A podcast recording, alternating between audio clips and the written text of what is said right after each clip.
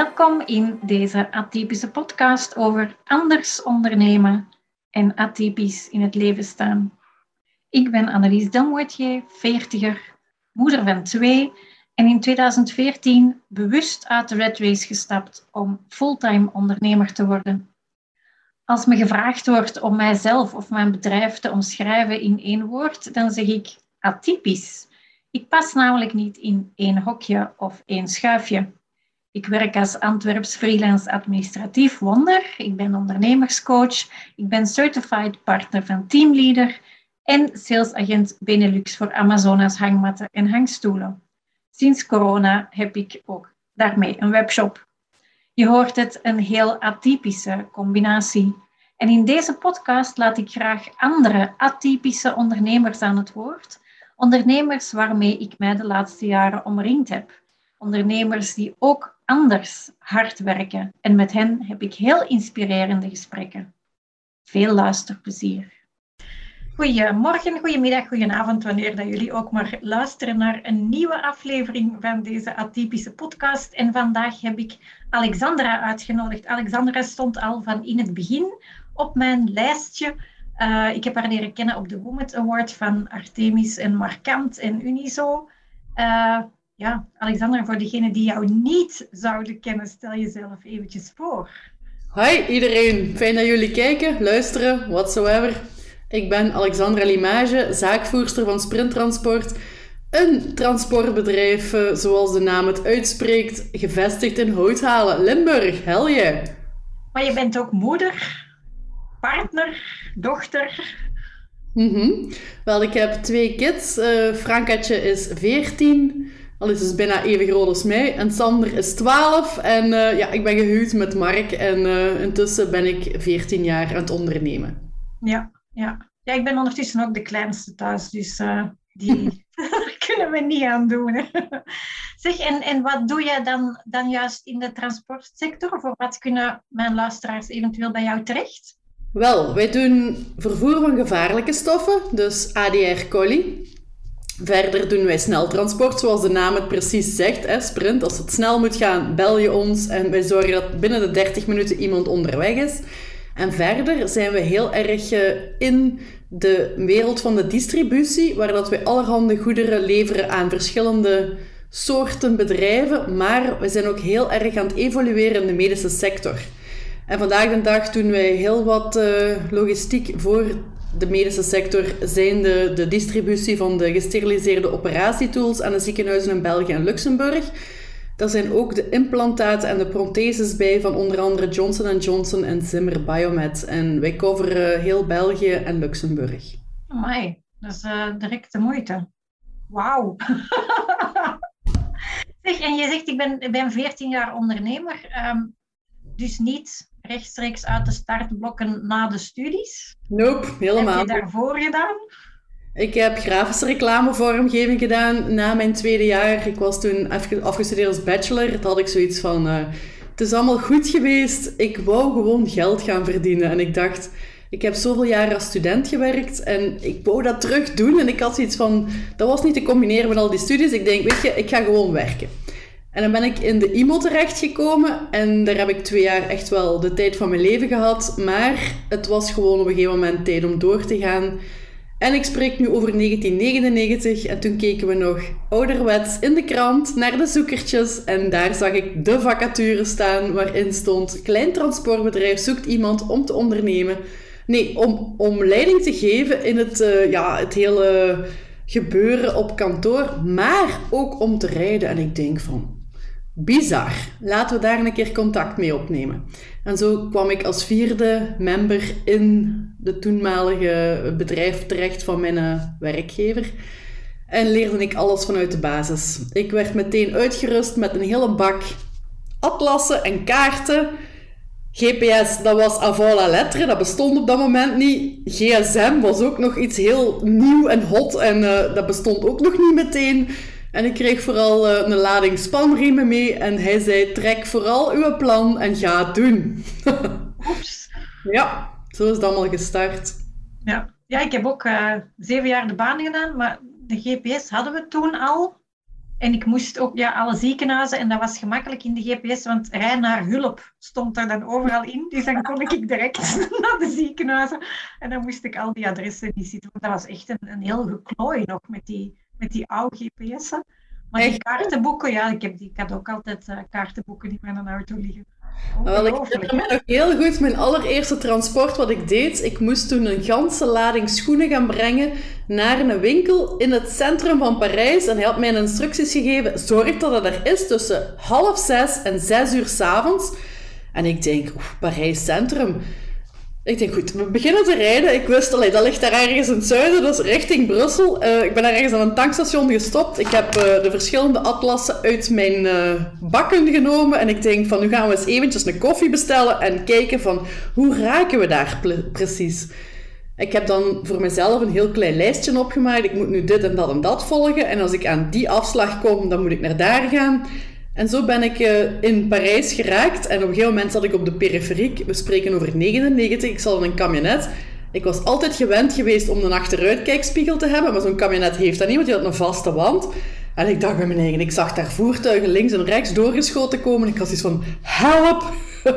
ik ben maar go with the flow doorgegaan. Ik ben ergens een afslag gaan nemen. En dan ben ik, ben ik echt uitgestapt, gaan kijken van, ah, die straat noemt zo en die noemt zo gekeken in mijn Droek-atlas van Parijs. Oké, ehm, nu moet ik zo en zo en zo.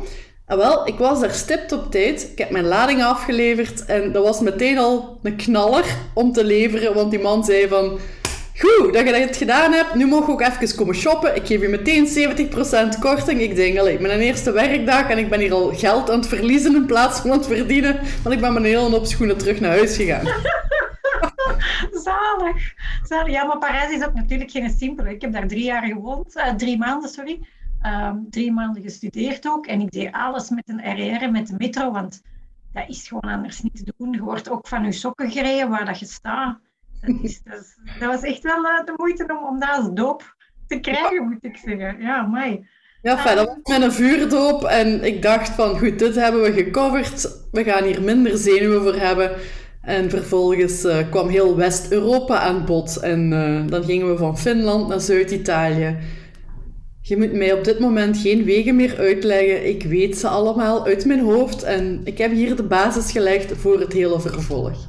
Ja, en dat was dan mijn volgende vraag. Hoe, ben je dan ondernemer geworden? Want nu zit je uh, op een andere stoel hè, bij springtransport. Yes, dus ik heb drie jaar en een half dat gedaan. Ik heb echt heel West-Europa doorkruist. En er waren enkele zware uitdagingen bij mijn toenmalige baas. En één daarvan was de vervoersvergunning hebben en halen. Ik zeg, weet je, ik ga mij daarvoor inschrijven, ik ga dat doen. Wist ik veel waar ik mij toen ingesmeten heb, want dat was Meteen een cadeau om u tegen te zeggen. Ik moest een ganse maand opleiding gaan volgen in Borgerhout. Dat was iedere ochtend om 6 uur in de auto. Oh ja, in 2003 waren er ook al files. Op naar Borgerhout. Om half negen hadden we les. En uh, we kregen meteen 26 vakken, gaande van handelsrecht, burgerlijk recht, verzekeringen, gevaarlijke stoffen, douanereglementering, vervoer van levende dieren, mechanica. Allee, kan de lijst ellenlang maken. En de eerste dag zeiden ze tegen mij: Ah, oké, fijn dat je hier bent. Wie heeft hier uh, universitaire studies gedaan? Gelly gaat het misschien halen. De rest, ja, het slagingspercentage is 17%, dus maak je geen illusies. Wees vooral hier aanwezig en doe je best. Ik denk: Oké, fijn, tof. Lap. Ik maak er helemaal voor. Ik heb er dingen geleerd. Vandaag de dag denk ik er nog altijd over na.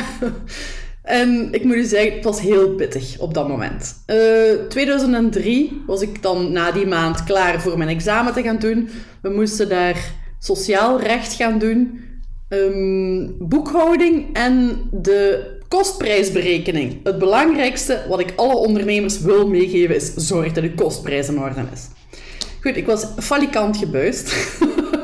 Dus ik ben moeten teruggaan en ik denk, ja, nu ga ik dat anders moeten gaan aanpakken. We waren toen het huis aan het verbouwen. Ik heb daar al die formules op mijn muur gehangen, dat ik ze iedere dag uit, s morgens tot s avonds zag. Ik kende ze knal van buiten, maar vervolgens mijn examen opnieuw gaan doen. Ik heb 100% behaald. Eens dat je weet hoe het werkt en je kunt het, allez, je kunt het implementeren, dan gaat het ook. Vervolgens, binnen die organisatie, ging ik mij toeleggen op het hele operationele. Ik deed het planning van transport, regelen van uh, aankoop nieuwe wagens, het eh, onderhoud van de voertuigen, het aannemen van personeel, alles behalve het financiële.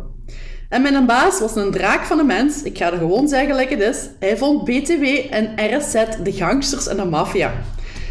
Ja, box daar maar eens tegenop. Dus ik had altijd stapeltjes klaar liggen met dit moet nu betaald worden en dan dit en dan dat en anders gaat het fout. Op een gegeven moment kwam ik in die, vereniging, in, die organisatie terecht als uh, ja, je moet je vakbekwaamheid, je vervoersvergunning gaan uh, implementeren. En hij zei van, ja goed, ik mag het niet meer doen, want ik ben al een keer over kop gegaan. Uh, wilt jij niet de zaakvoerder zijn? Ik was jong en onbezonnen en ik zeg van, tuurlijk, ik ga dat doen. Ik ga mijn nek uitsteken. En iedere keer als ik iets aangaf van, kunnen we misschien niet dit of kunnen we misschien niet dat, kreeg ik daar meteen de boodschap, je hebt niks te zeggen, jij bent niet de baas van de organisatie. Jij moet gewoon uitvoeren en u verder nergens mee moeien. Oei. Ja, en dat deed mij heel erg veel pijn, want ik had zoiets van, ik zette daar mijn hart en mijn passie in. En ik had zoiets van, goed, de rest van de wereld mag het weten. Als ik dit mocht doen en dit was mijn bedrijf, dan kon ik het zelf anders en veel beter. En dat verkondigde ik ook tegen iedereen die het wou weten. het kabbelde voort. We kwamen in 2008 en er waren heel veel uh, signalen dat het fout ging gaan. En op een dag is het bedrijf dan ook gestrand. Ik spreek nu over begin maart 2008. Ja. En ik dacht van, ja goed, hier staan we dan, 30 man, zonder werk, inclusief mijzelf. Ik ga gewoon iets anders zoeken. En het waren toen de omstaanders rond mij die zeiden van, ja, maar je hebt toch altijd gezegd dat je het zelf anders en beter kon? Wel, nu is het uw tijd en doe er eens iets mee. Oeps. Dat is toch wel een heel verschil tussen zoiets zeggen en het ook werkelijk gaan doen. Zeg je, goed, uh, we gaan vanavond, het is vrijdag, frieten eten, like altijd. En uh, ik ga er eens even over nadenken. Ik ben dan de zaterdagochtend begonnen met alle bestaande klanten op te bellen. En ik zei hun van, stel nu dat ik dit verder ga zetten. Zijn jullie bereid om met mij steeds nog in zee te gaan? En die zeiden allemaal één voor één, uiteraard. Oh, ja. Oké, mooi, fijn. Ik heb hier weliswaar geen schriftelijke, maar wel mondelinge garanties. Dus ik ben maandags mijn stoute schoenen gaan aantrekken. Ik ben naar de curator gegaan. Dat is echt super spannend, want daar kom je dan uh, meteen uh, in confrontatie met uw grootste concurrent, want die wou het eigenlijk ook wel hebben. Oh, oeps. Oei, de computer spreekt hier. En de curator zei tegen mij: Kijk, ik ga u allebei in een aparte ruimte zetten met pen en papier. Jij schrijft op een briefje wat het u waard is. We roepen u bij elkaar, we maken die envelopjes open. Degene die het meeste biedt, die mag het hebben. Ik denk, oké. Ehm, ik kan al zitten tellen en rekenen. En ik denk, ja goed, ehm, ik kan hier minder gaan bieden, maar misschien wordt het dan niet van mij. En ik voel het wel. En ja, let's go crazy gewoon. We hadden heel veel geld gespaard voor ons huis te gaan verbouwen. Ik had nog wat geld van familie gekregen. Ik wist dat ik maximum kon spenderen. Ik heb dat maximum bedrag neergeschreven. En maar goed ook, want bleek dat ik mijn concurrent met 5000 euro overboden had. Ja. En werd ik aan de deur gezet. Proficiat mevrouw Limage, uh, u mag het verder gaan zetten. Zorg voor alle nodige toestanden. En zorg vooral dat je mij binnen de 10 dagen betaalt op mijn derde rekening. Dus uh, daar stond ik dan. En ik denk, ja, wat heb ik nu gekocht? Wat oud... Uh, rollend materieel en ik heb wat kantorenmeubel en voor de rest heb ik helemaal niks. Ik mag met die klanten wel verder doen. Dus was bij mij vlammende paniek. Ik ben meteen naar de boekhouder gaan bellen en ik heb gezegd van help, ik heb een kaskrediet nodig. En als het kan, minstens 40.000 euro, moet je die eerste maand doorkomen. Doordat ik al die jaren eraan bezig was, wist ik van oké, brandstoffen, verzekering, personeel enzovoort en zo verder. Je hebt geld nodig. Ja, ja, ja. Ik zei van, ga rustig naar huis, een afspraak bij de bank regelen we wel. Neem eens pen en papier, schrijf eens op wat je precies allemaal nodig hebt. En van daaruit gaan we verder kijken. Dus ik ben naar huis gegaan. Ik heb, uh, ik denk, drie bladzijden volgeschreven met allemaal vragen en dingen die ik moest doen. En heel snel daarna mocht ik een pitch gaan doen bij de bank. Ik heb mijn kaskrediet gekregen. Ik heb ook gezorgd dat ik een vrachtwagen kon overnemen. En ik had een BVBA in rust overgenomen bij de boekhouder. En van daaruit zijn we dan naar de notaris gegaan. Ik heb in de fitness de naam Sprinttransport bedacht. En we zijn gestart. En ik dacht, yes, the sky is the limit. Niemand gaat meer tegenhouden. We gaan er helemaal all the way voor. Eerst, in eerste fase werden mensen ingeschreven onder ja, interim kantoor. Want ja, ik moest nog met een RSZ en heel de boel in orde brengen. Dat kwam allemaal in de picture. Een maand later was alles geregeld en ik dacht van, we zijn er klaar voor. Klap 1. Tegenslag 1, als ik het zo beter kan omschrijven. Mijn toenmalige huisbaas zei, ah, maar je zit nu wel een andere firma. Die huurvoorwaarden van vroeger, dat gaat hier niet meer door. We moeten Oh, nee. een contract ondertekenen, dus nu maal 2,5. En ik dacht, ah, dat gaat niet. Dat heb ik niet mijn begroting opgenomen, nee. Dus ik moest meteen gaan zoeken naar een andere locatie. Ik ben er nog drie maanden moeten blijven. Uiteindelijk vond ik een geweldig pand in hout halen. En als ik geweldig zeg, voor de mensen die kijken op YouTube, dan zeg ik ook aanhalingstekens geweldig. Geen poort die dat elektrisch open kon. Geen verwarming. Als het regende, viel alles uit. We hadden geen warm water. We hadden eigenlijk, ja, we hadden een ruimte en laten we zeggen, dat was het ook. Als ik daar binnenkwam en ik trok met de katrol de poort open, dan moest ik eerst op de grond stampen en veel lawaai maken dat alle ongedierte wegliep. Maar ik had een hal, dus ik had zoiets van, ik kan het betalen. Sky is the limit. Ik voelde het nog altijd. Ik denk, we gaan hier helemaal voor. Ik was blij. En goed, we zijn ons daar gaan installeren. Ik had dan in de kringloopwinkel een, eh, een oud kastje gekocht en een oude printer. En ik denk, ja, we gaan er helemaal verder mee. En het ging redelijk, ça va. Niet al te groot, niet al te best. En op een gegeven moment was het stil. Het was zomer en er was geen enkele opdracht meer. En ik denk, oei, en hoe komt dat nu precies? Ik denk, ja, mijn toestel moet kapot zijn. Dus ik heb mezelf heel vaak met de gsm gebeld en die telefoon rinkelde nog. Wat bleek, een mondiale bankencrisis die was uitgebroken en bleek ook nog zwanger te zijn van onze jongste. En ik denk, ja, geweldig. We gaan er het beste van maken. En goh, ik moest daar zoveel mensen teleurstellen. En oh, dat was één drama.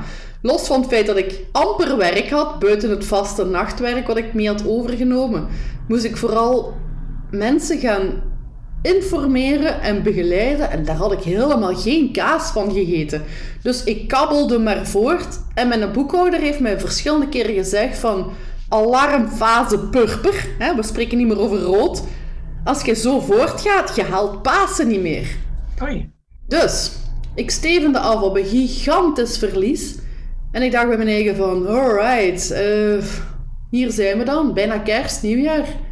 Laat ik eens eventjes tijd nemen en nadenken. En in plaats van een nieuwjaarsreceptie heb ik toen het lumineuze plan bedacht van, we gaan hier de mensen bij elkaar roepen. Er waren er 15 op dat moment. En ik ga hun de vraag stellen van, ik vraag jullie om op vrijwillige basis naar een deeltijdse tewerkstelling te gaan, zodat ik u niet eerst moet ontslaan en vervolgens terug moet aannemen, want dan gaan we allemaal failliet. Met een heel bang hartje heb ik toen hun toegesproken. Dat was geen een toffe. In alle geval, ehm, we kregen daar het enorme wij-gevoel van. Want wij gaan het doen. Heel veel mensen waren toen zich al meteen bewust van... Ja, ik heb hier al vrienden en familieleden geweten. En die ondernemingen waren al in faling gegaan. En het zit in een heel moeilijk parcours. We gaan hierin mee. We willen er het beste van maken. We geloven in sprint. We gaan voort. Ik denk, oké, fase 1, check. Dan moest ik verder schakelen. Ik denk, oké, ehm, mijn vloot, mijn oude vloot, die zat constant in herstelling binnen de werkplaats. Een dealer, dat is heel tof, maar die kost ook heel veel geld. Ja. Dan heb ik gedacht, goed, ik ga een garagist in dienst nemen. Ik heb daar de juiste mens getroffen. Die kon heel goed dingen fixen voor een korte termijn. Oké, dat heb ik later pas te weten gekomen. Maar goed, als het bolde, was het allemaal prima. Vervolgens, plan 3. Ik moest dan marketing gaan doen. Budget 0 euro. Dus ik denk, ja, hoe ga ik dit aanpakken? En dan heb ik me laten inspireren door de vele folders van de Chinees en de kebabzaken die dat in mijn bus gedropt werden. Ik denk, zoiets ga ik ook doen. Een afbeelding van hetgeen wat het is, wat erin zit en de prijs en het telefoonnummer. Ah, wel, zo heb ik mijn folder opgesteld. Je weet, ik heb ooit reclamevormgeving gedaan. Dus caddy, kabinet, vrachtwagen, de afmetingen, de prijzen en het grote telefoonnummer. En ik dacht van, ik ga dat maar tien keer afdrukken, want je weet maar nooit wat voor een storm dat dit aan marketing gaat geven. En ik ga rondrijden bij ons op het industrieterrein, bij de bedrijven waar het gras nog gemaaid is, en ik ga die daar in de bus steken. Ja. Tien brievenbussen verder had ik binnen de week zeven nieuwe klanten. Amai. Voor coronatijd, ik had geen geld voor reclame op mijn wagens, laat staan een spandoek op mijn gebouw. We hadden zeven nieuwe klanten. Ik gaf die de best mogelijke service. Ik luisterde naar wat willen ze, wat willen ze precies, hoe kan ik hier verder in evolueren en daar kwam mond-tot-mond reclame van. Ja. We waren 2009, ik was intussen bevallen, ik nam zoon mee naar het werk, ik gaf borstvoeding en alles lukte prima. Ik heb meteen een medewerker moeten in dienst nemen, want het werd zodanig druk dat ik het zelf niet meer allemaal kon. En ja, dat ging lijkt een trein. En ik had zoiets van, uh, welke crisis? nu, ik moet zeggen, ik had nog altijd die hele oude vloot. Oh, daar kan ik boeken over schrijven. Wat ik daar allemaal mee meegemaakt heb. Allee, dat is een drama geweest. Maar goed, daar leerde ik wel... Um, hoe moet ik het zeggen? Nadenken over kosten. Voortdoen. Nieuwe klanten zoeken. Out of the box denken. Nieuwe methodes inlassen. En vooral praten met de mensen die bij u werken. Ja. ja. Dat is deel 1. Ja. Dus en en, en um, ja, ik heb geen flauw benul. Hè. Je hebt DPD in je kop en je hebt B-post voor de pakjes. En, en, maar wat is er zo typisch aan een transportbedrijf en wat is er dan atypisch aan sprinttransport? Ik moet ik al... Transport, ik denk dat we een van de grootste sectoren zijn. Iedereen heeft transport nodig, want de goederen moeten nog steeds van A naar B vervoerd worden. Ik heb nooit de competitie aangegaan met de DPD's en de B-posts van deze wereld. Dat is een heel ander marktsegment. Wij deden goederenvervoer van A naar B of van A naar B naar C naar D, zoiets in die aard. En daar heb ik mij altijd op ingezet. We waren niet meteen de grootste. We hadden ook geen grote vrachtwagens. Ik had het begin maar één camion. En dan komt het vervolg van mijn verhaal. Um, met die oude vloot had ik nood aan andere wagens. Want ik was maar iedere keer versnellingsbakken en, en motoren aan het kopen. En we hadden die op een gegeven moment zelfs op stok liggen. En mijn boekhouder zei, ja, maar ja, op uw eindresultaat, je steekt daar zoveel geld in dat is het niet meer waard. Ik zeg, ja, maar kijk, ik heb een negatief eigen vermogen. We komen uit een verlieslatende positie. We zijn pas uh, up and running. Ik kan niet aan de bank gaan zeggen van goed, en nu geef mij eens geld voor 10 nieuwe voertuigen. Dus ik, ook daar was ik over aan het nadenken. En ik denk, goed, ik ga gewoon shoppen op de tweedehandsmarkt. En dan ben ik bij een groot bedrijf terechtgekomen. Daar heb ik zeven wagens gereserveerd. Eigenlijk zes, maar ik werd helemaal smoorverliefd op uh, Appelsientje wat daar stond. Dat was een oranje vrachtwagen. Ik denk, hé, hey, die kan ik wel gebruiken voor die en die klant. En uh, ik heb met hun een rond bedrag afgesproken. Ik ben naar de bank gegaan. Ik heb hun een pitch gedaan. De pitch van mijn leven in feite. Want ik zeg, kijk, dit is heel kritisch. Als we die niet krijgen, dan gaan we dood. Ik ben nu helemaal aan het voortgaan en jullie moet meegeloven in mij. En ze hebben toen gezegd, goed, je krijgt dat. En toen die wagens bij ons binnenkwamen, had ik wagens die groter, breder, langer, hoger waren.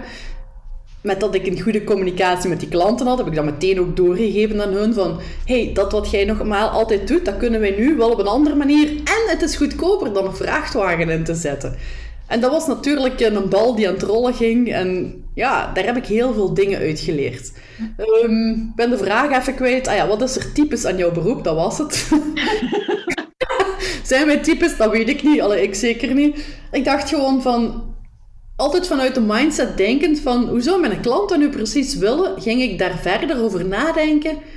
En wist ik van... Ah, op die en die manier kan ik hun wel gelukkig maken. En dat ding heb ik kunnen doorzetten. Het heeft een hele evolutie meegebracht. Want je hebt aan de ene kant tevreden klanten. Oké, de markt trekt op een gegeven moment terug aan. Had ik heel veel uitdagingen met personeel. Dat is ook nog een ander ding geweest. Um, maar goed, je evolueert daarin. Je leert daar heel veel zaken uit. En je gaat vooral door. Want je voelt nog altijd die passie vanaf dag één waar dat je mee gestart zit. Ja. En ja, wat is er dan uh, typisch aan mijn beroep? Goh, weinig op dat moment. Oké, we waren transporteur, er waren er heel veel. Er waren er veel gesneuveld. En ik denk van, ik ga hun vooral opbellen. Hoe doet je dit? Hoe pakt je dat aan? Hebben jullie ook die problemen? Daar heb ik de start gelegd voor een gigantische community. Door mijn concurrenten, ik noem het nu geen concurrenten, ik noem ze allemaal collega's, als het aan de andere kant van het land en doen ze weet ik veel wat. Mm door hun steeds op te bellen en hun gewoon op de man af te vragen van, kunt je mij helpen? In het begin was het antwoord nee, want je zit de concurrent, we gaan u niet helpen. Ik ben gewoon blijven bestoken met vragen. En ik had zoiets van, uh, je moet me hier niet uh, aan de kant zetten. Ik blijf mijn ding doen. En huppakee, gaan ermee. Ja, ja, ja. Zeg, en, en wat was jouw aha-moment? Dat je dacht van, damn, ik ben keihard bezig. Was dat dan de Woman Award? Of? Ja, oh, dat is ook zo'n ding. We waren intussen tien jaar, of bijna tien jaar verder. En op een gegeven moment belt mijn toenmalige bankdirecteur mij. En hij zegt van, ja, we hebben nu al die jaren meegemaakt. En ja, uw groeitraject is echt wel fenomenaal. We hadden erop ingezet van, ja, die gaat hier heel snel sneuvelen. Ik zeg, ah, bedankt. Tof. maar ze hadden zoiets van, ja, die vrouw is zo gepassioneerd en gedreven. En die blijft gaan.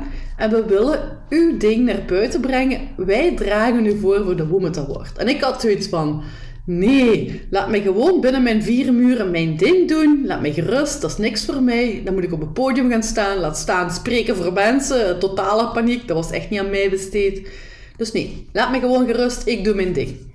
En ja, goed, er kabbelde wat tijd overheen. En op een gegeven moment zei iemand: Hey, zeg, ik heb gehoord dat je voorgedragen werd voor Women. Heb je nu ingeschreven? Ik zeg: Nee, nog altijd niet. En die kat zo staan tegen mij, zo met armen in de zij. En die zegt van: En wat heb je nu precies te verliezen? Ik zeg: Ja, als je het zo stelt, helemaal niks. Ik zeg: Weet je wat? Vandaag is de laatste dag, ik zal me inschrijven.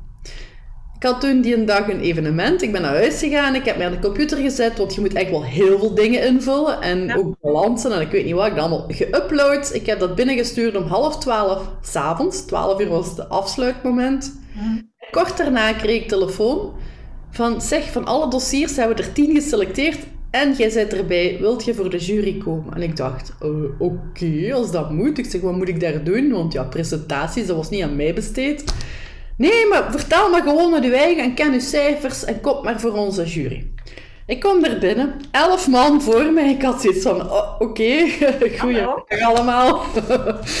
ik ben gewoon uit mezelf beginnen vertellen en ik had zoiets van, we kijken wel hoe dat dit gaat en punt.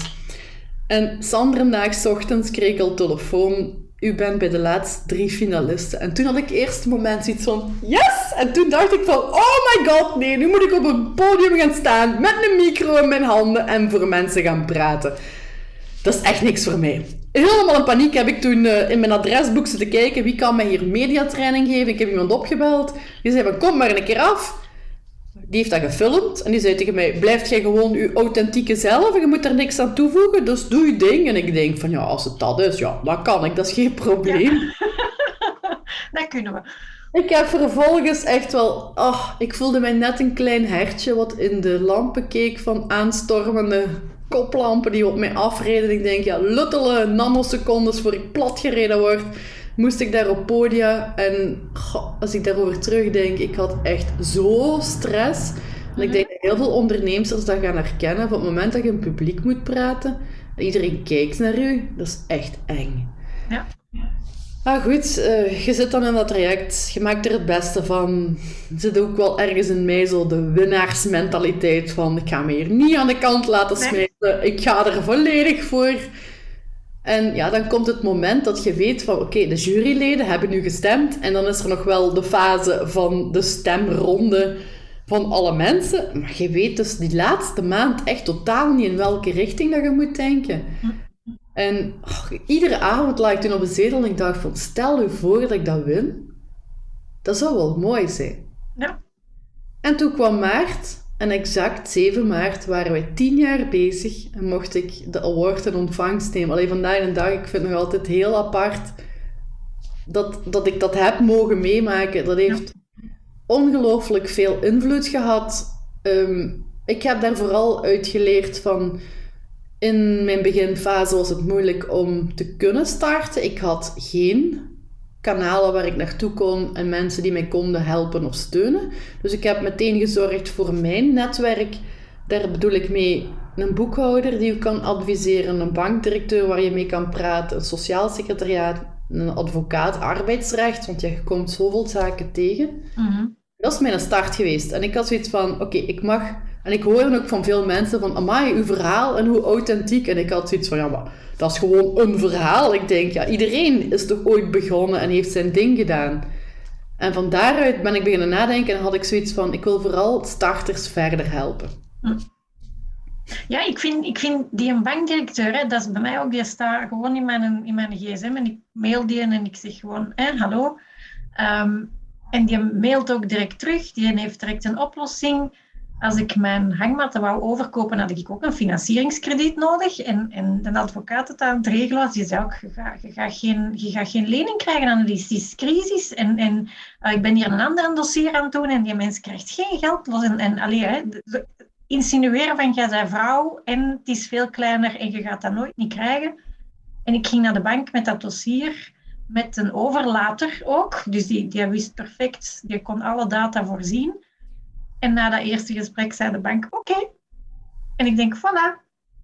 Maar als je, dat, als je niet probeert, of als je een dossier niet goed kent, dan denk ik inderdaad dat dat zelf in de hand. Dat, dat, dat is zo krachtig en, en dat kun je allemaal zelf regelen. Hè? Maar als, je, niet, als je niet durft, ja, dan, dan heb je het niet. Hè? Nee, inderdaad. Onder een motto, een nee hebben en een ja nee. krijgen. Ja. Ga er vooral voor en laat die mensen die passie en die ambitie die je in u hebt merken. En dat maakt zo'n wereld van verschil. Dat is allee, ongelooflijk. Ja, ja, ja.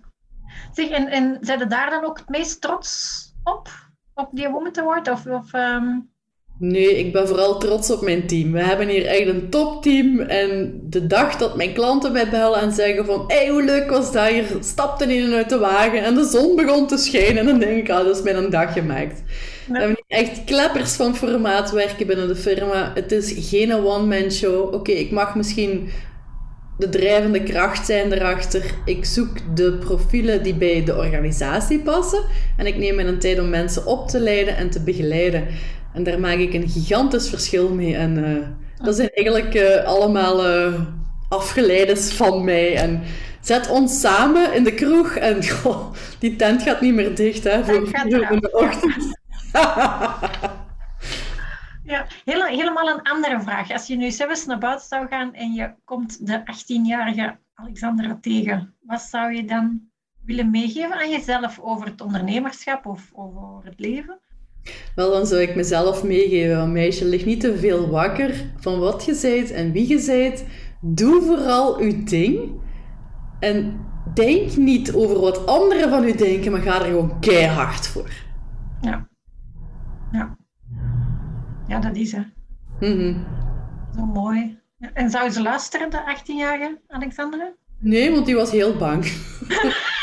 Die had wel op sommige fronten een grote mond, maar zeker ondernemerschap was iets wat totaal niet eigen was. Ik heb ook geen ondernemers in de familie. Allee, uh, we hebben vooral mensen die dat hoog opgeleid zijn rondom mijn nicht en neven. Dan denk ik van ja, is iets totaal anders. En uh, eh, met het winnen van de Women Awards stond mijn mailbox vol met berichten. En daar waren ook familieleden die zeiden van ik viel van mijn stoel toen ik gisteravond het nieuws keek en jij blijkt hier ineens onderneemster van het jaar te zijn. En uh, god damn girl, en kom dan een keer bij ons barbecue. Dan denk ik, ja, als ik daar een tijd voor heb, zal dan een keer doen. Hè. Voorlopig ben ik even opgeslorpt door andere dingen. Ja, ja, ja. ja. Zeg, is er nog iets waar uh, jij of, of je bedrijf naar op zoek is? Kunnen wij als luisteraars nog iets helpen? Moest je mensen weten die dat willen omschakelen en de nodige, uh, zeggen van we willen heel graag beroepschauffeur worden, rijbewijs C, en ze zijn van Limburg, stuurt ze allemaal maar naar mij toe. En voor de rest wil ik gewoon mijn deur openzetten voor alle startende ondernemers, maar ook ondernemers die wat eens een klankbord nodig hebben, want ik begrijp heel goed dat het niet voor iedereen makkelijk is en dat niet iedere onderneming een raad van advies of een raad van bestuur heeft. En laten we vooral met elkaar sparren en elkaar tot andere denkwijzes bewegen. Meer niet. Ja, ik heb mijn eigen de, raad van experts uitgeroepen. En daar zit, gelijk dat je zegt, mijn bankdirecteur, mijn makelaar, mijn boekhouder. En uh, ik heb die op één keer gewoon samengeroepen allemaal en gezegd van kijk, hè, ik, ik ben Annelies, ik doe dit en ik doe dit heel goed, maar jullie moeten doen wat dat jullie goed in zijn. En als je opportuniteiten ziet, laat het mij dan weten. En effectief allemaal bellen die als die denkt van, oh, we denken dat deze iets voor u is, of zou je eens daar gaan kijken. En dat mm. is wel, wel heel krachtig, hè, zo'n uh, ja. raad van experts. Ik, word ook constant gechallenged door hun. En ik was al bezig met strategische planning. Maar zij zijn er nog altijd... eh, ze zetten echt wel vuur onder de schenen. Waar ze zeggen van... Hey girl, even nadenken. Wat wilt je doen binnen dit en dit en dit tijdsbestek? Hoe gaat je het aanpakken? Wat is je begroting? Hoe gaat je het in de markt zetten? Denk vooral dat je iedereen binnen de organisatie mee betrekt. Ehm, we zijn nu op dit moment bezig, dus in de laatste fase die hebben we gehad van eh, onze ISO 13485 medical devices. We gaan vooral een hele nieuwe weg inslaan en ook dat moet ik blijven communiceren aan de medewerkers van kijk, we zijn niet meer Janneke Mieke die dat met een kabinet even rondknalt. Nee, er zijn heel wat eh, regelgevingen die we nu moeten halen. Ehm, voor de rest, ik ben nog altijd heel benaderbaar en toegankelijk. Ik zit nog altijd op de benedenverdieping. Iedereen die er binnenkomt en die de gang in komt en die mijn deur ziet openstaan, is welkom. Is de deur dicht, moeten ze even een, eh, een braaf verzoekje sturen. Dan kunnen we even babbelen. Maar voor de rest eh, drink ik even graag met iedereen koffie. En denk ik dat ik daardoor vooral een drijvende en grote, een groot verschil kan maken in het hele ja, bedrijf. Door te luisteren wat zijn de pijnpunten, wat zijn de positieve zaken, maar ook wat kan beter. En daar telkens ook door gechallenged worden om verbetering in de markt te zetten. Ja, want zij zijn een expert op, op hun domein. Hè? Je, kan niet altijd alles weten. Ik heb nu acht freelancers. Ik heb geen personeel. Ik heb acht freelancers die dat voor mij werken. En die zijn ook expert in wat dat zij doen. En ik, ik ben ook altijd op zoek naar mensen die... Jij, ook, jij bent heel extravert en, en wij gaan ineens. En on- ons idee is eigenlijk al. We hebben dat al helemaal in onze kop uitgeschreven en dan moeten we dat in de wereld zetten. En dan ben ik echt op zoek naar mensen die effectief zeggen van... Ja, maar Annelies, deze gaat niet gaan, ze, hè? want je moet eigenlijk dat en dat en dat. Maar als je, ja, wij zijn zo'n bulldozers, als we daar dan bezig zijn, als je dan mensen hebt die niet durven tegenspreken, allee, het is niet tegenspreken, hè, maar dat effectief durven zeer efficiënt antwoorden en u wijzen op andere ehm, ja, opportuniteiten of, of efficiëntere opportuniteiten, ja, dan, dan is dat veel beter dan dat jij gewoon eh je wil doordrijft. Hè? Absoluut zeker. En er zijn heel veel dingen die op mijn pad komen dat ik niet meteen een oplossing voor heb. Dat ik denk van, "Goh, hoe gaan we dit nu weer doen? En dan smijt ik de vraag dikwijls in de groep. En voor je het weet heb je meteen, of voor 90% zelfs al een, een oplossing. En dan denk ik, oh, hier kan ik gewoon verder mee. Ja. En zo betrekt je de mensen en zorg je voor een inclusieve onderneming. En dat maakt een wereld van verschil als iedereen dat nu eens deed. Mensen worden gehoord, voelen zich geapprecieerd, kunnen meedenken, kunnen meegroeien en evolueren met de organisatie. Allee, zo zou het overal moeten zijn. Ja, daar kunnen nog veel mensen iets van leren. Hè? Ja, ik Mhm. kom zelf dan uit de corporate wereld, dus dat was helemaal eh, not done. Dus eh, dat is ook een van de redenen, denk ik, achteraf gezien, dat ik eruit gestapt ben. Oké. Meer impact te kunnen maken op mijn manier, gelijk dat je Ah, er is maakt. niks heerlijker in de wereld dan als je het virus van het ondernemerschap voelt. Dat je er ook iets mee doet. En dat je er gewoon los voor gaat. Ja. En het is niet gemakkelijk. Ik heb ook mijn momenten dat ik denk van... Oh, bagger en hel. En dan bel ik eh, collega's op. Soms mensen die dat helemaal niks met mijn sector te maken hebben. Maar ik heb gewoon veel klankborden. En we bellen elkaar constant. En dan mogen we een keer authentiek, lijk vroeger, gewoon klagen en zeuren. En als je zelf dan bezig wordt, dan denk je van... "Ch, Zo'n drama is het in feite al niet. Je hebt het al uitgesproken. Allee, je hebt al een halve oplossing. Dus eh, vooral, eh, het is geventileerd. We nemen een nieuwe koffie en we gaan er opnieuw tegenaan. Voilà, klaar. Ja, en we zijn niet alleen. Hè? Bedoel, het, het, is, het, het is sowieso hard werken, maar het is anders hard werken. Het is voor, ik vind het altijd een, een higher purpose. Uh, en toch waar wij voor staan, alle twee. Ehm, ja, het is zo mooi om, om te mogen doen, hè? denk Mhm. ik dan. Voilà. En ik heb nog zoveel ambities en plannen en ideeën. En ja, soms denk ik van, goed, ik ben 46. Hm, ik voel me nog altijd mentaal 26. ik moet dat een keer op social media gaan zetten. Hè? Fysiek 46, maar mentaal totaal andere leeftijdswat. Ehm ja, ik, ik heb zoiets van, er gaan nog heel veel dingen volgen in de toekomst. In de nabije toekomst heb ik heel veel leuke plannen. Maar in de verdere ook. Ik ben al zes jaar Spaans aan het leren. Ook daar wil ik iets gaan uitbouwen. Heeft niks met logistiek te maken. Wordt iets volledig anders. Ik heb een gat in de markt gevonden, dus uh, ik had zoiets van eerst Spaans, dan komt de rest. Dus, uh. ja. ik, ik was um, vorige week, twee weken geleden, ingeschreven in een nieuw jaartraject om, om weer mijn business nog eens te boosten. Mm -hmm. um, en we moesten ons eigen voorstellen. En dan was die in, in, in dat Facebookgroepje. Oh, ik ben 26 en ik doe la la la. Oh, ik ben 28, la la la. Ik ben 31, oh, ik ben 22, ik ben 24. Ik denk, ja, hallo. Ik ben de Dino. Ik ben 46 en ik ben de Marijn van de groep. en ik denk, deel met dit. Ik heb vier bedrijfstakken. Uh, ik hou dat hier allemaal recht op mijn eentje met mijn freelancers. Um, er zijn waarschijnlijk heel veel dames in die groep die dat willen zeggen van wauw, maar ja, je moet ook blijven bijscholen. Hè. Je kunt niet, uh, Instagram dat bestond niet. Als wij begonnen, Facebook, dat heb ik weten beginnen. Hè. Um, een tijd internet, helemaal als, als ik begon met werken, hadden wij internet, dat was iets heel eigenaardig. Dan moesten nog inbellen met zo'n VPN-lijn zo, en dan duut. Allee, dus je moet gewoon mee. En, en dat ook, hè, als, als je als onderneemster, denk ik, uh, niet inzet op, op ja, vernieuwing of, of ja, anders werken. En elk jaar opnieuw. Hè. Ik heb mijn, mijn businessplan, bekijk ik elk jaar opnieuw. Wat mm -hmm. past er nog, wat past er niet meer en hoe kunnen we dat ja, fine-tunen? Hey. Efficiëntie key, hè? Hard ook, hè? Soms moet je bepaalde lijnen gewoon uh, met de bottenschaar doorknippen. En moet je afscheid nemen van klanten, leveranciers, medewerkers, ja. Mm -hmm.